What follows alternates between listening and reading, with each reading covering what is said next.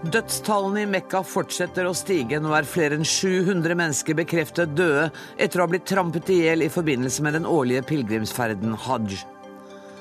Rekordlav styringsrente nede på 0,75% Helt nødvendig, mener sentralbanksjefen, som likevel ikke vil bruke ordet krise om den økonomiske situasjonen. Flere enn 300 000 jenter utsettes for vold på skolen hver dag verden over. Det hevder Plan Norge i sin nye kampanje. De jukser bevisst med tallene, mener Prio-forsker.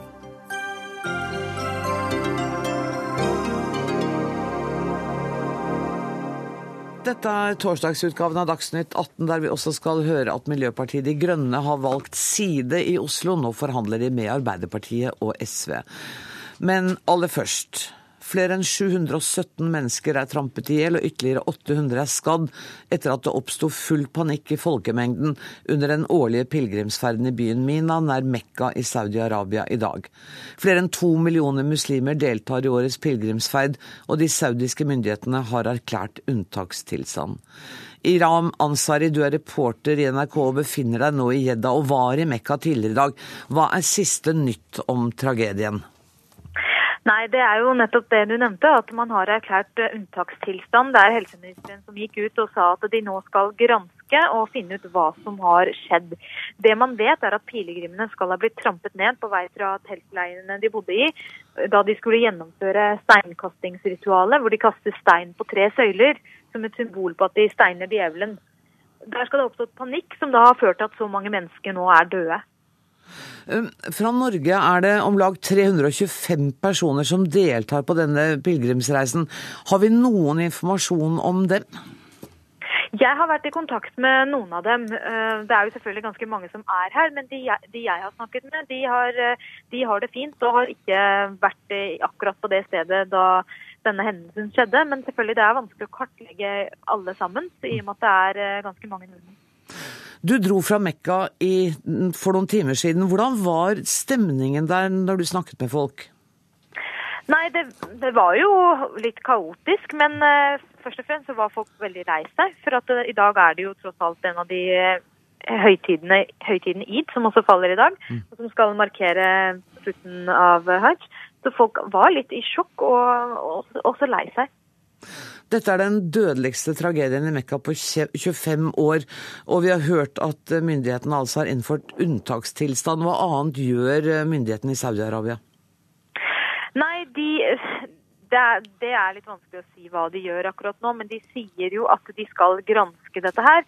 De mener jo at uh, pilegrimene ikke fulgte det offisielle programmet, og at det er årsaken til at, uh, at så mange ble trampet ned. Men de sier nå at de skal kartlegge dette her og finne ut av hva som har skjedd, men eh, per nå så mener de at pilegrimene kan ha selv forårsaket dette. Iraman Sari, tusen takk for at du var med i Dagsnytt 18. Kari Fugt, du er religionshistoriker med islam som spesialitet.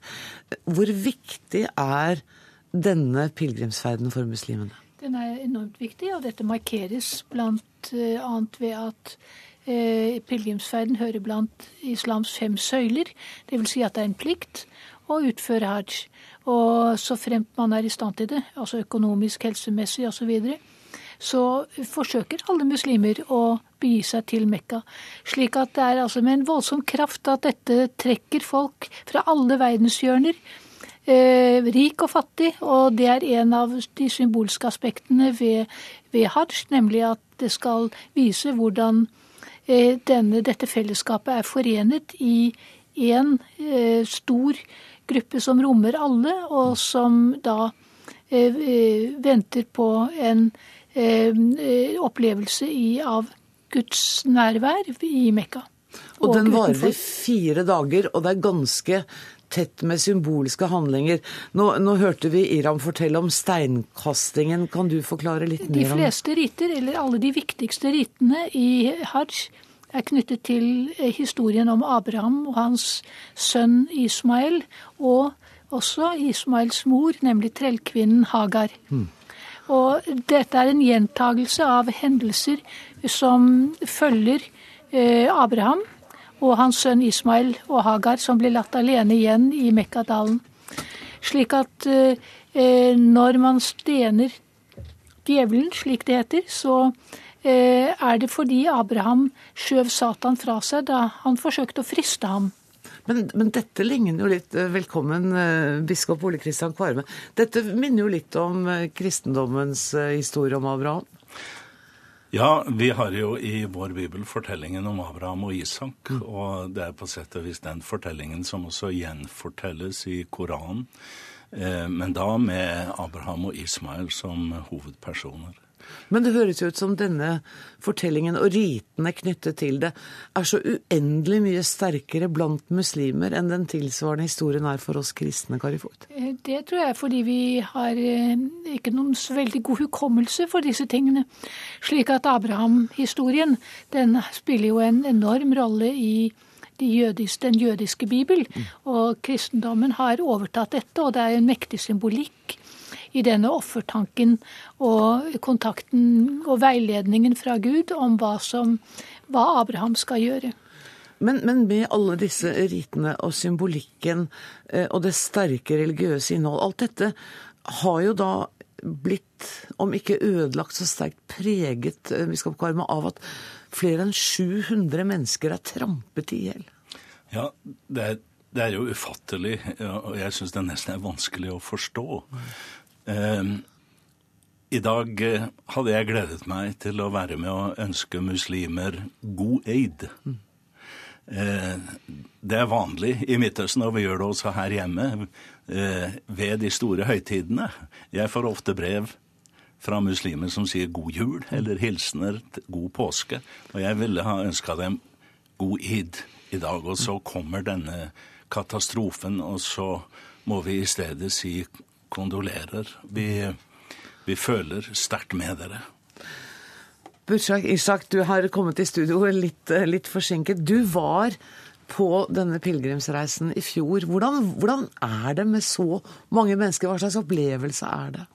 Altså, det er jo en religiøs plikt, men jeg pleier å kalle det litt oppsummert. Det er en friluftstur eh, på det sterkeste. Den sterkeste friluftsturen du kan noen gang gjøre for både kropp og sjel. Eh, det handler om å gå tilbake til sitt indre, hvor du kobler av hele hverdagen, alle forpliktelsene, inntar, inntar deg en asketisk tilværelse. Alle kler seg i det enkle tøystykket i hvitt, eh, uansett hvilken sosial klasse og etnisitet du kom fra.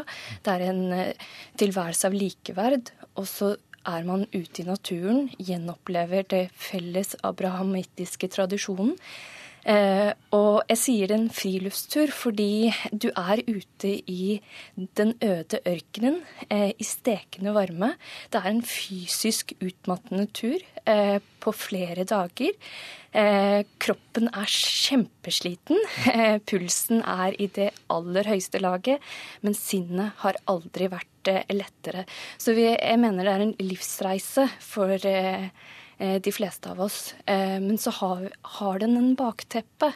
Eh, og, og, det er kanskje noe av grunnen til at kanskje vi ser den ulykken i dag. Er, for mange av oss muslimer er det også en omstridt reise, fordi vi ser hvor vår helligdom i dag befinner seg. Den befinner seg i eh, verdens verste kapitalistisk hule. Eh, den hellige steinen er omgitt av luksushoteller av syv stjerners, og saudierne bygger det ut og ut uten å tenke på det metningspunktet som et sted kan ha. Eh, og det er det man har oppnådd. Millioner av mennesker som samles. Og så sier man ikke, har man ikke tydelig strategi strategier for å regulere menneskehavet, særlig ikke muslimer fra rike land, fordi man er forbrukermagneter.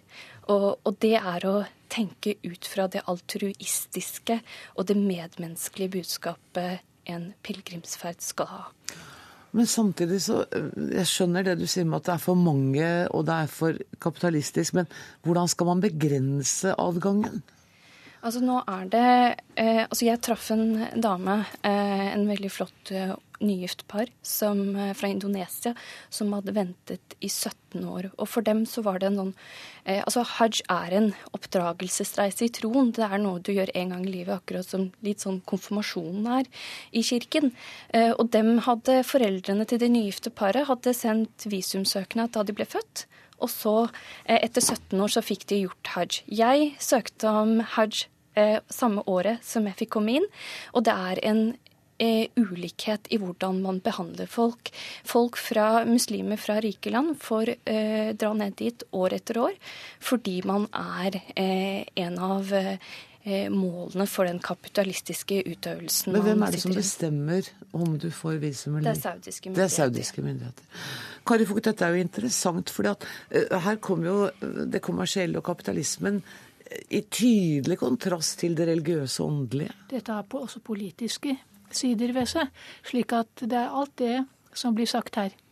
Det er både det religiøse og det høyst timelige og verdslige som kommer inn i bildet. Og det er kvoter som saudierne har satt opp. Eh, og det er klart at de mest folkerike områdene, altså eh, de ti millioner muslimer i India f.eks., det er klart at kvotene der blir veldig mye mindre enn det som er kvoten for Norge. Europa har en bestemt kvote, og den fylles av eh, svært mange eh, interesserte muslimer. Og det er ganske riktig. Det er, det er folk som besøker Mekka under hajj hvert eneste år, mm. faktisk, som kommer fra Norge. Det som er litt interessant, det er at eh, i løpet av de siste tiårene er veldig mange kvinner som drar på pilegrimsferd. Det har det ikke vært så utpreget før, men nå er det altså omtrent halvparten av pilegrimene er kvinner. Bursa, eh, du har vært der én gang, og man skal gjøre det én gang i livet. Er det ingen som gjør det flere ganger i livet? Jo, det er altfor mange som gjør det. Eh, og det er en av de tankene vi skal ha her i dag. Eh, den muslimske høytiden er til selvrefleksjon og ettertanke. Og den har blitt veldig sterk etter den tragedien som har vært nå. Og jeg mener at jeg oppfordrer alle muslimer til å ta et medmenneskelig ansvar. Ta og følg troens grunnsetning om likeverd og nestekjærlighet, og la noen andre gjøre den reisen du har tenkt å gjøre igjen. Og så har jeg lyst til å nevne én ting til som veldig mange nå er fortvilet og veldig redde, for man vet fremdeles ikke eh, hvem som er de omkomne. Dødsdalene stiger time for time, og man lurer veldig på mm. hva som kommer til å skje. Eh, en av tankene i denne vanskelige tiden som dukker opp, er at eh, Saudi-Arabia er i krig i veldig mange land, bl.a. Jemen. De bomber Jemen, og de er i krig med IS. Og de sa tydelig fra de foregående dagene at de er bekymret for terrorfrykt. Så spørsmålet her er om den eksterne terrorfrykten eh, er blitt prioritert og den interne ja, på mm. bekostning av den interne sikkerhet og logistikken. Eh, men det er vanskelig å spekulere. Vi vet eh, det er veldig mye å kritisere saudierne for, eh, men de gjør en innsats for å gjøre dette bedre. men mange mener at en større innsats bør legges inn i de moderniserte rammene som er lagt inn. Og hvor det er områder, små områder, så bør det inn tiltak for å regulere den menneskestrømmen? Jeg tror det er veldig viktig å fremheve også at det er et politisk prosjekt, dette. Mm. Saudierne har eh, i Kongens tittel eh, innebærer at han er vokter over de hellige steder i eh, både Mekka og Medina, de hellige byene. Og denne rollen er ikke tatt for gitt, blir ikke tatt for gitt av mange muslimer. Det finnes absolutt sterke røster som ønsker å vurdere Saudi-Arabias rolle i dette. Eh, slik at det er både finansielle, økonomiske og politiske sider ved dette som er viktig. Og det er også et spørsmål om hvem som får lov, altså hvilke muslimske undergrupper eller mindre religiøse samfunn som får lov til å vise seg i Mekka. Kvarme helt til slutt kort. Ja, altså, eh, Bushaisak var jo i sted inne på innholdet i denne festen. Og slik jeg har opplevd den både i Midtøsten og her i Oslo, så er det jo en fest som er preget av at man, her deler man med hverandre. Mm. Og selve, eh, og selve eh, hovedinnholdet i festen handler jo altså både om Abrahams lydighet, men også om Gud som griper inn for å berge og forsvare livet til barn og ungdom. Og jeg tenker det er et, en ganske sterkt innhold også i Midtøsten i dag. Tusen takk for at uh, dere kom, uh, Kari Fugt og Busha Ishak. Ole Kristian Kvarme, deg ser jeg om en liten stund i en annen sammenheng. Tusen takk skal dere ha.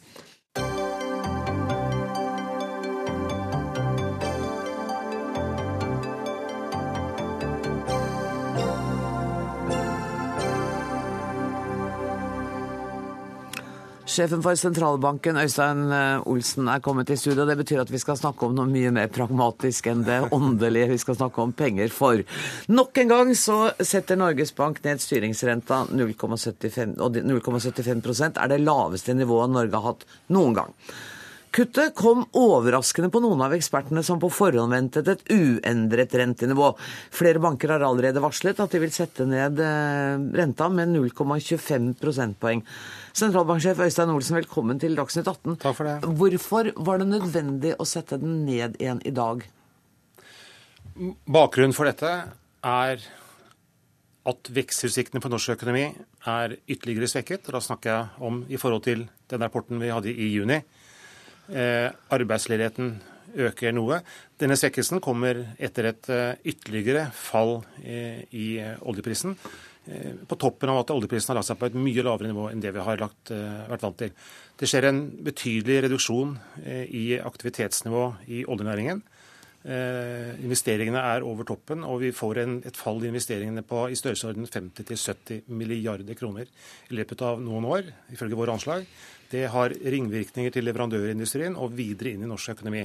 I den situasjonen, så lenge inflasjonen er godt forankret, som vi sier, så er det pengepolitikkens oppgave å søke å motvirke disse negative ringvirkningene, sørge for at aktivitetsnivået holder seg brukbart oppe, eh, og at pengepolitikken sånn sett stimulerer andre deler av økonomien, innenlandsk etterspørsel, eh, understøtter en svakere krone, eh, slik at eksportindustrien, annen eksportindustri også kan få bedre vilkår. Og det er det vi gjør. Og til tross for alle de problemene som du nå har pekt på, så sier du at du vil ikke bruke ordet krise om situasjonen i norsk økonomi nå. Det er riktig. Eh, vi, det er ingen krise i, i, det bildet vi tegner for norsk økonomi nå. Eh, det tror jeg kan understøttes ved bare nevner noen få tall. Folk flest erkjenner jo at det er land rundt oss, eh, i Europa spesielt, som, hvor det uttrykket er riktig og treffende. I Norge så er arbeidsledigheten fortsatt lav. Den registrerte ledigheten er rundt 3% Ja, i våre anslag så vil den øke noe, eh, men nå, nå en topp på 3,5% rundt her. Veksten i norsk økonomi, som lenge har ligget langt over eh, våre naboland, er nå kommet ned, og vi vil ha svak vekst nå i år og neste år. Men så går den opp igjen til 2-2,5% de neste to årene. Så vi kommer ut av dette på en eh, god måte. Det er vårt hovedbilde. Usikkerheten er selvfølgelig til stede, mm. men slik vi ser bildet nå, så er vi veldig langt fra en krise. Eh, vi snakket om eh, dette i Dagsnytt 18 i går, og jeg har lyst til at vi skal høre et veldig kort lite klipp med Jan Ludvig Andreassen, som er sjeføkonom i Eika-gruppen, og Kjersti Haugland, seniorøkonom i DNB Markets. Og så har vi klippet de svarene sammen, skal du høre hva de sier. Ja. Det er allerede ille nok til at sentralbanken må kutte renta i morgen. Jeg vil nesten kalle det en skandale om ikke de gjør det. Dette er jeg uenig i. Eh, det virker som en veldig drastisk eh, påstand å si at det vil være en skandale om Norges Bank ikke satte ned renta nå.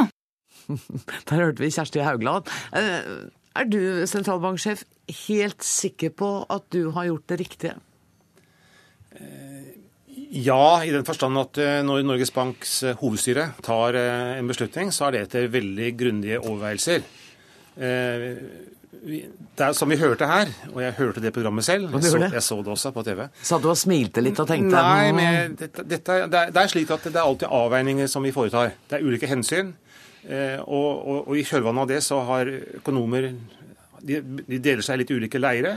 Noen vektlegger la oss si, boligmarked og gjeldsopptak. Andre vektlegger f.eks. konkurransesituasjonen til norsk tradisjonell eksportindustri. Ja. Og, og, de er, kan være uenige. Vi, Norges Bank, må avveie disse hensynene.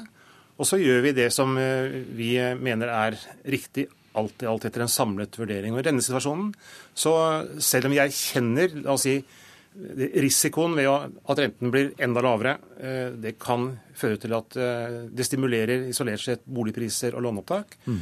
Men i den situasjonen som jeg beskrev for norsk økonomi, så mente vi at så er det riktig å sette ned renten. Det er vår vurdering nå. Ja, for det, det, stimulerer eh, privatforbruket, og, altså kjøp av nye biler og låneopptak. Men jeg hørte deg på Nyhetslunsj på P2 tidligere i dag også, hvor intervjuet prøvde å få deg til å si at det er noe med en, en boble. Eh, ordet boble vil du heller ikke bruke om det norske boligmarkedet?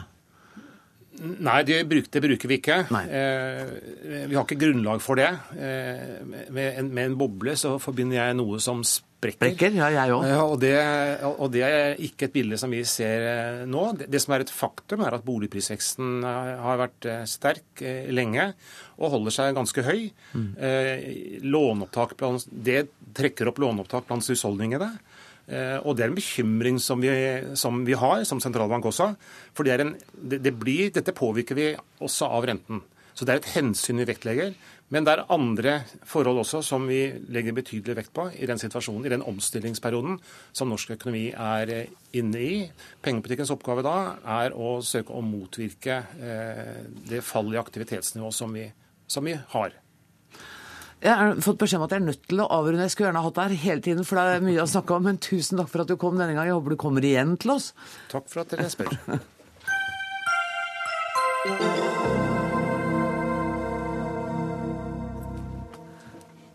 Og så skal vi tilbake til det mer eh, åndelige, i hvert fall skal det dreie seg om kirke. Likekjønnet vigsel er så grunnleggende feil at jeg kan ikke være med i kirken lenger. Det sier Øyvind Benestad, som er mangeårig aktivist mot kjønnsnøytral ekteskapslov. Resultatene fra årets kirkevalg viser at det er flertall i det nye kirkemøtet for å vie homofile i kirken. Og Øyvind Benestad, du er medlem av Agder og Telemark bispedømmeråd, og aktivist altså mot kjønnsnøytral ekteskapslov. For deg er grensen nådd nå, og du kommer til å melde deg ut av kirken. Var det så vanskelig å kunne stå? Ja, altså jeg vil ikke melde meg ut nå.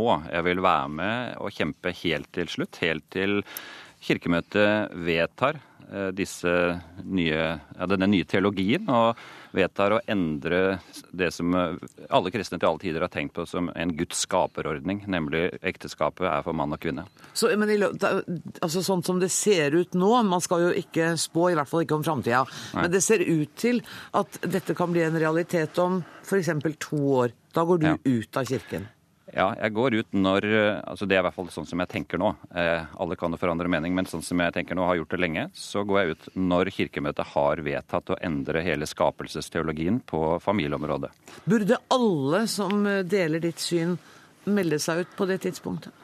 Nei, det mener jeg ikke. Dette er en beslutning jeg tar for meg selv, men jeg råder ingen andre til å gjøre det samme. Og det må de gjøre hvis de gjør det fordi de er overbevist og har samme klare overbevisning. Sånn. Men det kan være gode grunner til også å bli i kirken, både lokale forhold og bakgrunnen og den tjenesten man har og sånn. Så jeg respekterer 100% de som også blir værende. Da respekterer du også den mannen jeg har sittende i studio nå, biskop Ole Kristian Kvarme, for han deler i utgangspunktet ditt syn. Men Kvarme, for deg er det helt fremmed å skulle gå ut av kirken.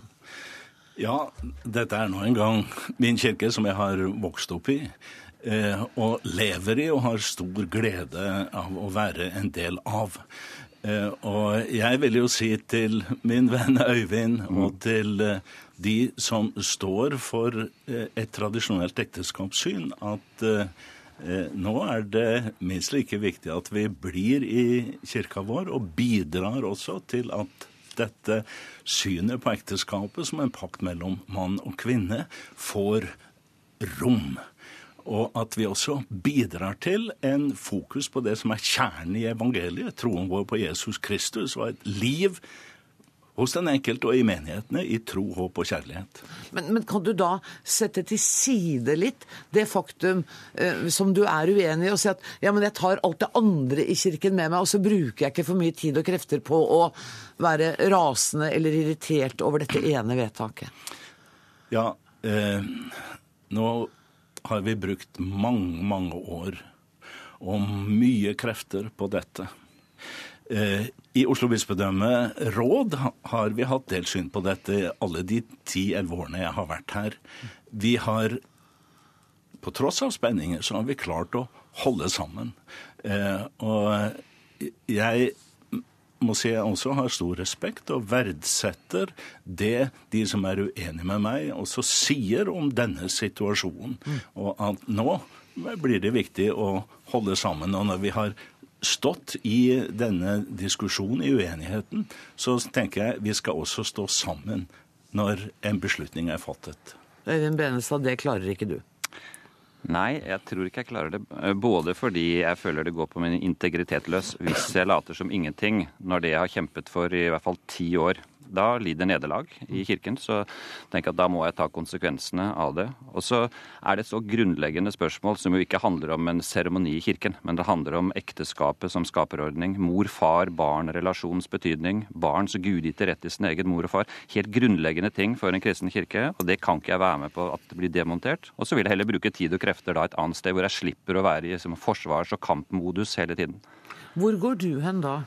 Nei, det vet jeg ikke. Jeg, det er jo mange muligheter. Jeg bor selv i Kristiansand, hvor det er masse kirker og menigheter som går velge. Så det har jeg ikke foreløpig tenkt så veldig nøye over. Så det, det vil tiden vise. Eh, biskop Kvarme sier at uh, denne diskusjonen har han levd med i Oslo i 10-11 år, uh, og hvor det har vært viktig å vise respekt for motpartens synspunkt, og at det har vært krevende. Er ikke det en filosofi man kunne ta med seg videre? Jo, det, jeg respekterer det 100% og jeg, som jeg sa, mener at det er gode grunner for å bli, og det er det mange som helt sikkert vil gjøre, og det vil jeg være glad for. At uh, ikke så veldig mange følger meg, men jeg er overbevist helt sikker på at dette er så grunnleggende for meg at jeg, jeg går. Men uh, som sagt, jeg tar ikke så mange som mulig med meg. Men jeg tror faktisk mange sitter på gjerdet og kommer til å gjøre det. Og det blir jo veldig kritisk i mange sammenhenger. Her på Sørlandet f.eks. hadde Fedrelandsvennen en meningsmåling for et par år siden hvor 5% av befolkningen sa at de kom til å forlate kirken hvis det ble vedtatt den type teologi. Og det er 10 000 mennesker. Så hvis halvparten av dem gjør det, så, så vil det jo merkes. Ja, eh, jeg skjønner godt eh, at mange vil kjenne dette vanskelig om Kirkemøtet eh, om ett, to, tre år kommer til å gjøre vedtak om vigsel for likekjønnede par. Nå vil jeg si jeg skal være med i en prosess i bispemøtet, også i kirkemøtet. Og det, her er det mange mulige scenarioer. Mm. Eh, det som er viktig for meg, vil være for det første ikke bare å bevare Kirkens enhet, men eh, at det er rom for evangeliet. At det er rom for en kristen tro, for håp, for kjærlighet i, eh, i praksis. Eh, og det som binder oss sammen. Ikke bare enkeltsaker, men at vi står sammen i tro eh, og, og, i tjeneste. Eh, det kan og, jeg forstå. Men gjelder den sjenerøsiteten du nå snakker om, og fellesskapet, gjelder den også for deg da, de homofile og de lesbiske i kirka? Jeg håper det, og prøver å eh, leve etter det. Samtidig som vi her har forskjellige syn. Mm. Eh, og jeg kommer ikke Jeg har ikke nå tenkt å, å gi opp dette synet. Eh, vi har lang tradisjon for å kunne leve med uenighet og med forskjellige syn, samtidig som en grunnleggende bekjennelse og tro binder oss sammen. Øyvind Benestad, du og Ole Kristian Korme er enige om det aller meste, men dere har altså kommet til ulike konklusjoner om hva som skjer hvis det skulle bli vedtatt eh, eh, ekteskapslovgivning som dere ikke kan leve med. Hva sier du?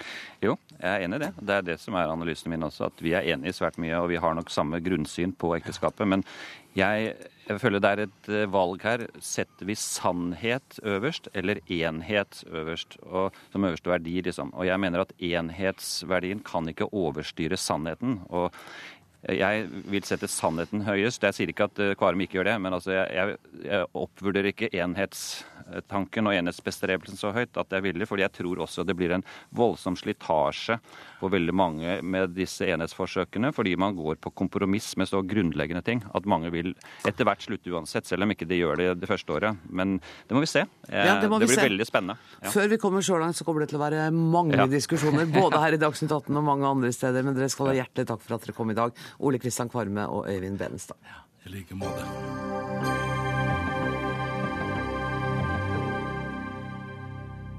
Miljøpartiet De Grønne går altså i forhandlinger med Arbeiderpartiet og SV om byrådsmakt i Oslo. Dette ble klart i ettermiddag etter mange timer med debatt innad i Miljøpartiet De Grønne. Det er ikke klart når forhandlingene starter, men de må være fullført innen 21.10, da bystyret skal konstitueres. Så dere har ganske god tid. Tre veldig blide folk i studio i dag, altså. Lan Marien Jen førstekandidat for MGD i Oslo. Hvor vanskelig var det å velge når man blir beilet til av liksom to fløyer? Og det vi har brukt tiden på etter valget, det er jo å få snakket med samtlige partier i Oslo for å høre hvordan de ønsker å møte vår visjon om å få Oslo til å bli en nullutslippsby innen 2030. Og vi har opplevd at eh, alle partiene har vært veldig imøtekommende. Ja, det tror jeg på. Ja. ja. og det har vært veldig fint eh, å, å, få ulike perspektiver på hvordan vi kan møte det. Og det vi har sett, da, det er jo at det vi ser nå, er i hvert fall at vi ønsker å starte forhandlinger med Arbeiderpartiet og SV, for vi tror at vi kan få mest gjennomslag der. Vi skal snakke litt politikk etterpå, men hva var grunnen, hva var den viktigste grunnen til at dere endte med å velge dem og ikke ikke Høyre og Fremskrittspartiet? Vi, ja, vi, ser jo at Arbeiderpartiet og Høyre er veldig like i klima- og miljøpolitikken. Men grunnen til at vi eh, ønsker å starte forhandlinger med Arbeiderpartiet og SV først, er nemlig er jo at hvis vi, skal, eh, hvis vi skal samarbeide med eksisterende byråd, så må vi ha støtte fra Frp, og Frp ligger veldig langt fra oss i klima- og miljøpolitikken. Så det er Frp som gjør at, dere, at Høyre heller ikke er aktuelt for eh, dere? Eller i hvert fall at vi ønsker å starte forhandlinger den veien her, da. Byrådslederkandidat i Arbeiderpartiet, Raymond Johansen. Ehm, god dag, dette her. Ja, jeg er veldig, veldig glad for, ja. å, for, å, kunne starte å forhandle, og ja. ser veldig fram til det. Blir det eiendomsskatt i Oslo, da? Alle de tre partiene som sitter her, uh, har gått inn for uh, eiendomsskatt. Hva skal og, den brukes til, da? Det skal vi diskutere. Jeg har vært veldig tydelig på hva som er uh, altså, Når det gjelder første bud når det gjelder forhandle, er at vi forhandler i forhandlingsrommet, også for de som spekulerer, spekulerer utafor. Så jeg ser fram til det, å starte å forhandle for å gjøre Oslo til en eh, grønnere by og mer rettferdig by og mer inkluderende. Så vi står foran en kjempeutfordring, og vi så jo på budsjettet i går som ble lagt fram, at uh, gjeldsgraden i Oslo er uh, høy.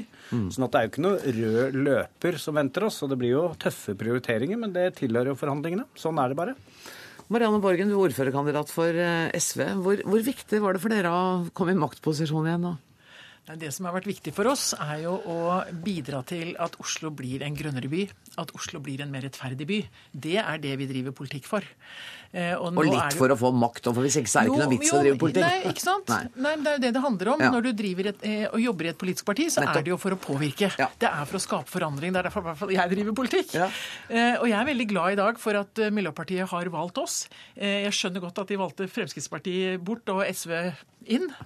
Fordi vi står veldig likt i mange miljøsaker. Så, så, så jeg gleder meg veldig til å ta fatt i disse forhandlingene. Jeg har tro på at vi skal kunne sammen bidra til å få en både grønnere og mer rettferdig by. Men mm, Raven Hansen, hva, hva, ser du på Jeg skjønner at vi ikke skal gå inn i forhandlingene, men, men det må kunne gå an å se på ett sånn politikkområde som du tenker at det blir utfordrende. Dette området her har vi ikke vært så like på før. Her må vi liksom gå inn og gjøre noe. Hvilket er det?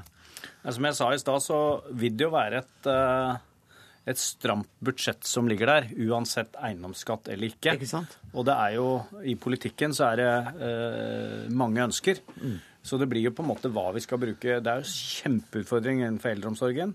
Vi skal ha full barnehagedekning, vi skal ha fart på sykkelveiutbyggingen. Det står tøffe reguleringssaker. Og det som er Oslo kommune, er jo overlegent den største kommunen i landet. Det er over 60 milliarder kroner, så det er jo en stor jobb vi nå skal ha foran oss. Men det å ha Starte å snakke sammen, starte å forhandle. Uh, ha et godt klima, ikke bare et godt klima i Oslo, men også i forhandlingsrommet vil være veldig viktig for meg. Bilfritt sentrum innen to år snakka vi om i Dagsnytt 18 i går. Uh, Hører jo at jeg prøver meg, men jeg må, det er lov, det, altså. Ja, det er lov. Og i hvert fall ambisjonen er jo at det er store luftforurensningsproblemer i Oslo. Uh, tider av året hvor luftkvaliteten er så dårlig at uh, mange er syke, kan ikke gå ut. Det er en kommunal oppgave å gjøre noe med. Mm. Og da er det jo tiltak som må treffes som er tøffe, som kommer til å merkes. Og det tror jeg alle disse tre partiene her har ambisjon om å, om å gjøre noe med. Uh, Lan Marie Njenberg, har dere stilt noe ultimatum? Har dere sagt til de to partiene at det er én sak, der har vi ikke noe å gi? Det vi har sagt, er at, er eh, at vi ikke kan være med i et byråd som øker veikapasiteten inn til Oslo. For vi må ha færre biler i byen, og ikke flere biler i byen. Okay. Så det handler jo om storstilt omdisponering av areal, og også om prioriteringer. Prioriter så hele planen om motorveien gjennom byen, den blir forkasta? Vi kan ikke ha noe, noe, vi kan ikke ha en plan om å, om å få flere biler inn til Oslo. Har Arbeiderpartiet sagt ja til det? At vi skrinlegger alle planene om ja, altså Det har vært helt krystallklare på i hele valgkampen at vi kan ikke ha et utbygging av et prosjekt som vil øke biltrafikken inn til Oslo sentrum og luftforurensningen i Oslo sentrum, det er helt uaktuelt. Og i tillegg så er det svært umoderne. Mm. Vi skal lage en by nå. Oslo vokser med Molde by hvert annet år. Vi ønsker å bygge eh, sånn at klimaavtrykket blir minst mulig. Da må vi kunne sykle, vi må kunne gå eller ta kollektivtrafikk. Og Det er det som forplikter oss, og da skal det tas tøffe grep. Det er litt nye takter fra Arbeiderpartiet, dette her? Ikke fra Oslo Arbeiderparti, det programmet Nei, Ikke siden vi, valgkampen, kanskje, men, nei, hvis, hvis vi går et par år tilbake også, i tida, så er det Nå, nå er det jo sånn at Oslo Arbeiderparti har ikke sittet med makt i Oslo på snart 20 år. Men dere har ment så, litt? Ja, vi har ment litt. Blant annet uh, tøffe ting i forhold til uh, miljø. Mm. Uh, og det er jeg helt trygg på at vi skal finne løsninger i forhold til. Marianne Borgen, du ba om ordet, jeg vet ikke helt til hva. Det er samme det, egentlig. Jeg tenkte at Det som jo er så spennende nå, er jo at eh, det er en del ting som vi er enige om som vi skal få til i forhold til å få det grønne skiftet som vi alle snakker om. Så nå er det faktisk en mulighet til å få stoppet de eksisterende planer som er for E18, for å hindre den eh, kapasitetsøkningen som, som er planlagt. Og I tillegg så håper jeg at vi skal få gode forhandlinger også rundt andre viktige spørsmål som er i Oslo, som er utenom miljøpolitikken. For eksempel? For eksempel, ja, for eksempel jeg, SV er jo veldig opptatt av at vi skal få flere lærere inn i skolen, at vi skal få færre tester, og at vi skal få gratis aktivitetsskole til barn. Det blir også viktige temaer som vi kommer til å bringe inn i forhandlingene. Jeg tror det blir spennende forhandlinger, jeg tror det blir tøffe forhandlinger. Men jeg er helt sikker på at vi tre sammen og våre partier skal kunne klare å skape en bedre politikk for denne byen. Dere er jo et helt ungt parti som har gjort en sensasjonell suksess i dette valget. Føles det litt som å være den nye jenta i klassen som driver og skal bli kjent med de som har kjent hverandre i alle år nå? Uh, jo da, vi er jo, vi er jo nye, men vi har jo også sett i valgkampen at, uh, mange, at vi har fått et stort mandat fra velgerne. De vil ha mer grønn politikk. Det er de grønne partiene som har vokst i denne valgkampen, og det skal vi ta med oss inn i forhandlingene. Hvem er det som blir ordfører i Oslo etter dette? Det vil vi se etter at forhandlingene er ferdig. Først må vi få politikken på plass. Nei, men i alle dager. Hvem av dere Du har lyst til å bli ordfører, ja? Nei, altså, Jeg tror det var derfor du altså, Det er veldig viktig å si at Oslo har jo et eh, system med en byregjering. Ja. Og det aller viktigste er å kunne få på plass byregjeringen. Det er vi som skal drive den daglige ledelsen. Og la meg komme med en nyhet. Vi kommer til å starte å snakke sammen i morgen på Østmarksetra. Og når jeg sier det, så er det for å slippe å sende ut pressemelding etterpå, for jeg regner med at dere kringkaster det. Dagsnytt 18 kan brukes til hva som helst, men problemet med å si det er at nå veit alle journalistene hvor dere er hen i morgen. Så da kommer vi til å være der. Det er bra. Det vil vi gjerne. Og når, Dere må jo ha lagt en slags timeplan. Når ser dere for dere Jeg skjønner at 21.10 er en dato, men når ser dere for dere at de foreløpige forhandlingene skal være ferdige? Eh, det, det, vil jo tiden eh, vise. Vi vil se litt på den prosessen i morgen. Mm. Men, eh, men, vi kommer uansett til å ta en fot i bakken etter hvert for å se om vi føler at vi får nok gjennomslag for grønn politikk for Oslo. Ja, det var en liten advarsel til dere to helt på slutten der. Jo, men tusen det tror jeg gjelder oss også. Og det gjør det, ja. Men tusen takk for at dere kom, alle tre. Lan Marie Gjenberg, Marianne Borgen og Raymond Johansen. inn i studio kommer min gode kollega Magnus Takvam, som er politisk kommentator her i NRK. Um, Magnus, um, det var jo ikke så mye politikk å få ut av dem dagen før de skal begynne å sondere og forhandle. vi var så vidt innom eiendomsskatten, de vil ikke si så mye om hva den skal brukes til. Vi var litt innom om bil. Hva tror du blir den største utfordringen for dette trepartssamarbeidet? Det er eh, de økonomiske rammene, penger, og så er det å finne virkemidler i miljøpolitikken som eh, eh, Miljøpartiet kan være fornøyd med overfor sine velgere. Eh, økonomiske rammene er begrensa, tross alt. Eh, I den sammenheng vil det bli litt dragkamp om eh, Arbeiderpartiets forslag som ble lansert i valgkampen, om hvor disse inntektene fra eiendomsskatten skal brukes. Det er ikke nødvendigvis alle de andre partiene enige om i den prioriteringen. Det blir temaer. Så tror jeg Miljøpartiet De Grønne rask, må ha noen raske, synlige resultater som viser uh, at de får et konkret gjennomslag. Det nytter ikke å vente på lange prosesser før de kan for, å vise velgerne sine at de, de, har fått satt sitt stempel på det. Og da er nok dette med bilfri sentrum en, en, uh, et prosjekt som tross alt er uh, overkommelig og, og, og, og, som også er synlig, mm. og som du og jeg vil merke hvis du, hvis du bruker bil. Ja.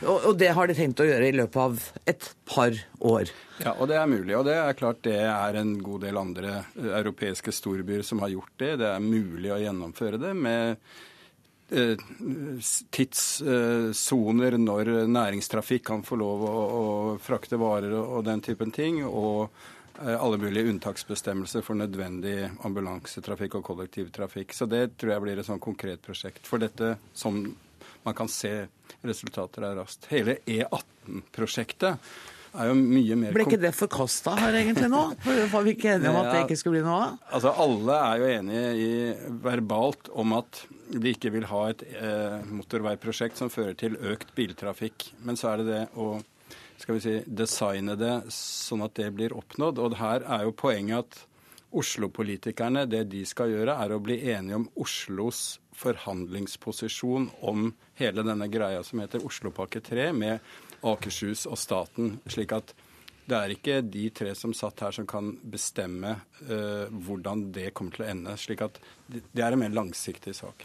Men du, jeg, jeg sa til Raymond Hansen, og jeg tenker også det er riktig, at Miljøpartiet De Grønne har på en måte allerede hatt innflytelse på Arbeiderpartiets politikk. For at Arbeiderpartiet har vel aldri vært det grønneste partiet vi har hatt, uh, mens nå er de det?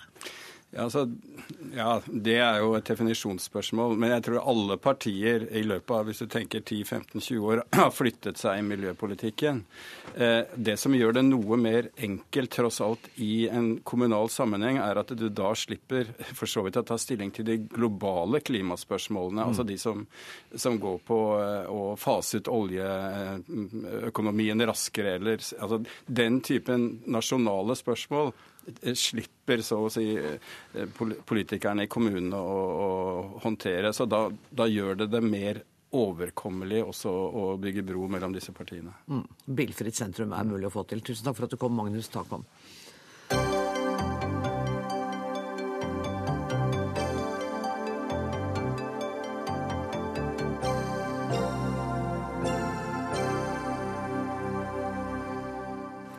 Hvor ofte har vi ikke hørt at det er Syrias fattige naboland, de såkalte nærområdene, som tar den største byrden av flyktninger?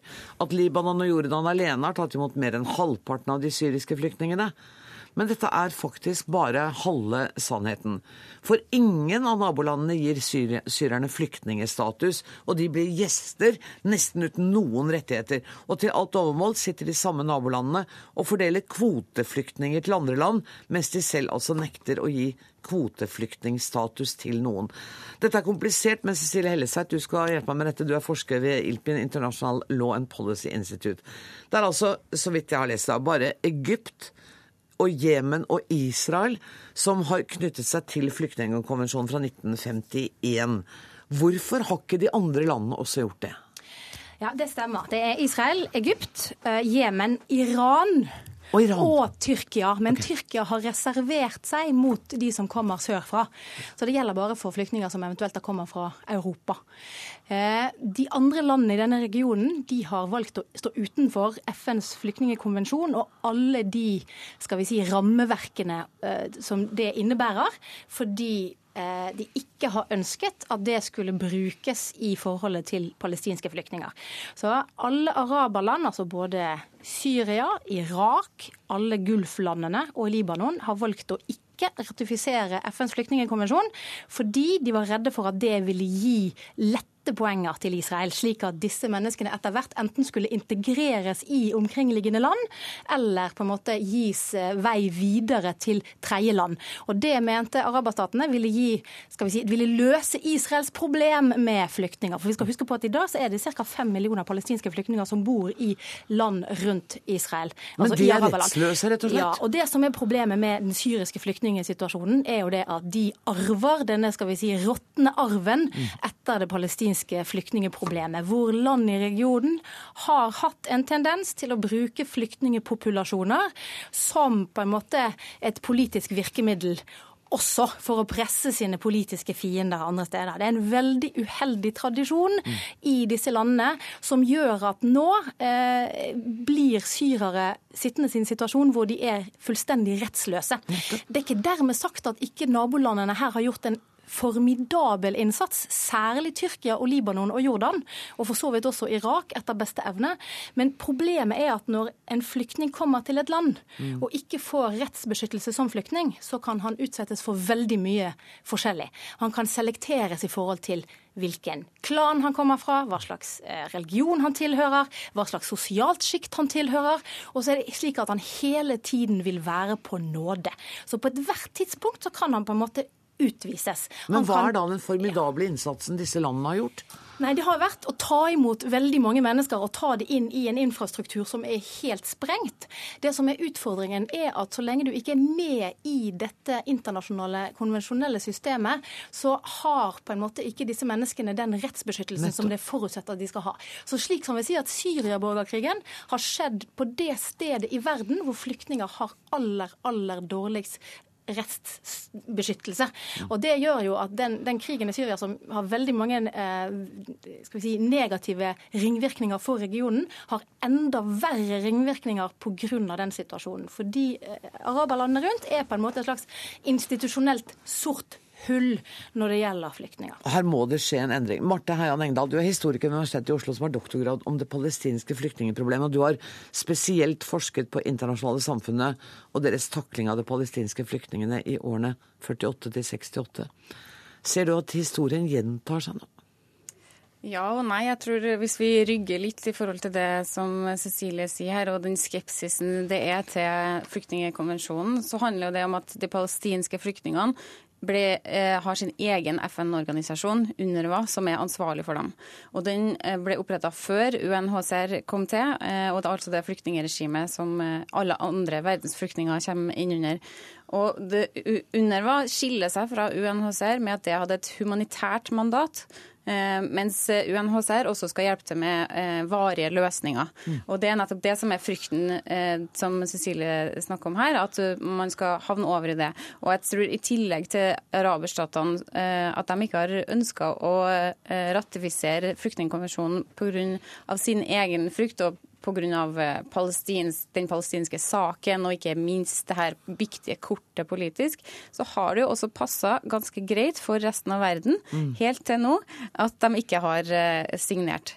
Fordi det har, Før flyktningkrisa fra, fra Syria så har egentlig UNRWA og den løsningen som palestinske flyktninger har fått, eh, passa for flere enn bare araberstatene. Det har passa godt for Israel, og det har passa godt for Vesten, som ikke har da trengt å, å, å etterprøve en politisk løsning som UNHCR hadde ville pusha for. Ja, nettopp. Og da tenker jeg, hadde det ikke vært en fordel for de palestinske flyktningene om man opphevet UNWRA og at de fikk også komme inn under paraplyen til UNHCR, altså Høykommissæren for flyktninger? Det, kan, det, her er jo en stor stor debatt, både ja, internt i det palestinske ulike miljø og innad i araberverden, og eh, ikke minst liksom på internasjonalt plan. Eh, jeg tror ikke at eh, vi skal For hvis de araberstatene skulle ha signert nå, så hadde jo det måttet ha vært med en avtale om hva som skulle skjedd med UNRWA, og, og da tror jeg det ville vært protester fra flere. Men det er også slik at De fleste andre regioner i verden de har ofte egne flyktningekonvensjoner som er regionale.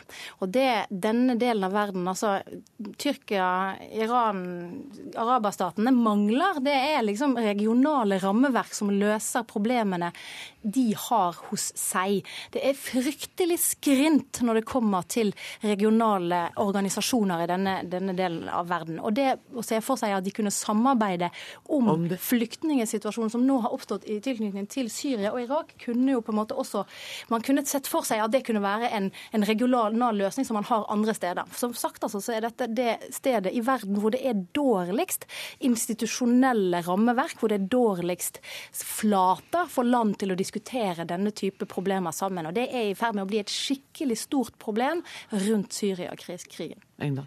Ja, jeg tror eh, det her er jo, for I 1965 så prøvde Den arabiske liga å samle seg om en, eh, løs, en eh, tilnærming til det palestinske flyktningeproblemet i den Casablanca-protokollen, som skulle være en litt mer eh, politisk, som skulle være, ha et mandat som strakk seg lenger enn UNRWA sitt. Eh, når det ikke skjer, så handler det, eh, som Cecilie sier, om en kultur også der de palestinske flyktningene, flyktningene da, i det perspektivet krasjer mot lokale myndigheter. Mm. nettopp på grunn barn. og Da er man så sårbar. og Det er jo det eh, den kronikken i Aftenposten i dag også, som Maja Janmyr har skrevet, handler om. at ikke sant, Her er det flyktningene, det er de mest sårbare som, de her, som det her går utover. Det at de eh, ikke har mulighet til å komme i arbeid, det er f.eks. en veldig viktig konsekvens av, av, at de ikke får bli registrert. og ikke Vi klarte ikke å løse dette i kveld heller. Jeg må bare takke dere for at dere kom, og så må vi fortsette ved et annet høve. Tusen takk skal dere ha, Cecilie Hellestveit og Martha Heian Engdahl.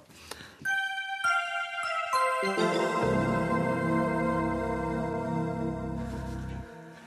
sin nye kampanje Min lov hevder Plan Norge at 337 000 jenter utsettes for trakassering, vold og overgrep i skolen hvert år. Kampanjen skal sette jenters rettigheter på dagsordenen, og ifølge organisasjonen er tallet beregnet ut fra en FN-studie. Men disse tallene er noe Plan selv har snekra sammen, og de er sannsynligvis altfor høye. Det mener du, Henrik Urdal, forsker ved Institutt for fredsforskning. Ifølge Plan er tallene basert på studier fra FN. Er ikke FN en god nok kilde her? Eh, det, eh, den rapporten som det vises til eh, fra 2006, har altså veldig mange svakheter, og de er veldig klare på svakhetene selv. Jeg tror også Plan er veldig klar over disse svakhetene. Det dreier seg altså om undersøkelser fra 16 land totalt, med ganske små utvalg. 13-15-åringer.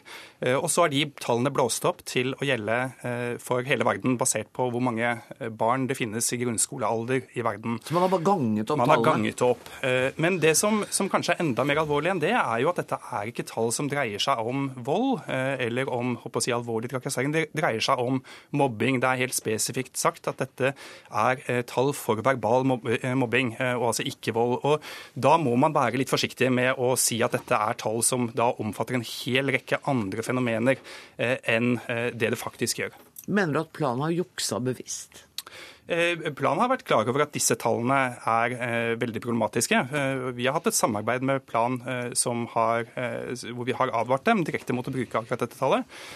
Og det har de vært klar over. Kjell Erik Øye, generalsekretær i Plan Norge. Dere har juksa med tall. Nei, over... Dere vet det, og Prio vet det. Overhodet ikke. Vi har laga et estimat og vært veldig tydelige på at dette er et estimat. Og det er ikke et estimat vi har sittet og snekra hjemme. Det er et estimat vårt hovedkontor har gjort, bl.a. sammen med universitetet i, i, Toronto. Så det er ikke et tall tatt ut av lufta. Det er helt riktig at dette ikke gir et godt nok bilde av situasjonen, fordi vi mangler tall.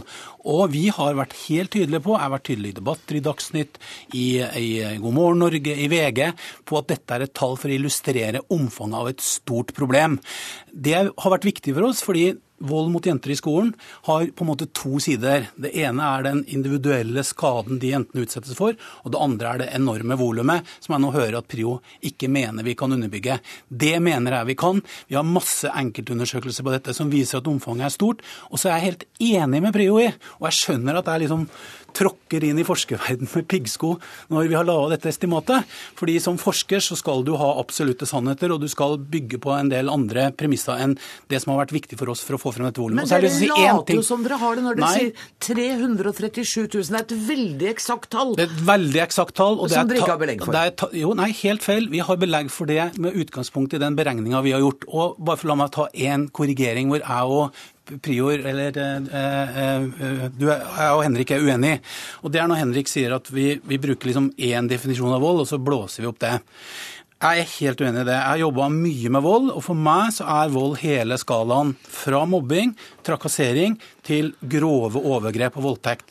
Og Det tror jeg jeg har sett så mye eksempler på hvor ille den psykiske volden er. Mm. Derfor har det vært viktig for oss å vise det volumet. Så kan det godt være at det riktige tallet ikke er 337 000, det kan være 400 000, 250 000, men det er et svært volum, og det har vært viktig for oss å illustrere gjennom denne kampanjen. Men kan dere ikke gjøre det uten å tulle med tallene igjen? Jeg kan jo la Prio spørre deg om det. Jo, det, det, er jo det som altså, vår, eh, Vårt utgangspunkt er jo at det er Vi, vi ønsker å levere eh, faktabaserte eh, si, bakgrunnsinformasjon som gjør at norske myndigheter og andre kan ta et velinformert valg om hvor man skal sette inn innsatsen med knappmidler. Mm. Og, og, Derfor er det så problematisk med, med slike tall. Det er jo ikke slik, altså, altså det, det, det, er så helt spesifikt i denne FN-rapporten at dette gjelder verbal mobbing. og Det er altså i Plan sin kampanje oversatt til diskriminering, trakassering, seksuell berøring, utnyttelse, tvang og voldtekt. Det kan godt tenkes at en del av de som er utsatt for verbal mobbing, også har vært utsatt for disse andre tingene. Det, og, men, men, sannheten er at det finnes ikke noen gode tall for dette. Det finnes, helt riktig som, som Kjell Erik sier, det finnes en del enkeltstudier som man kan,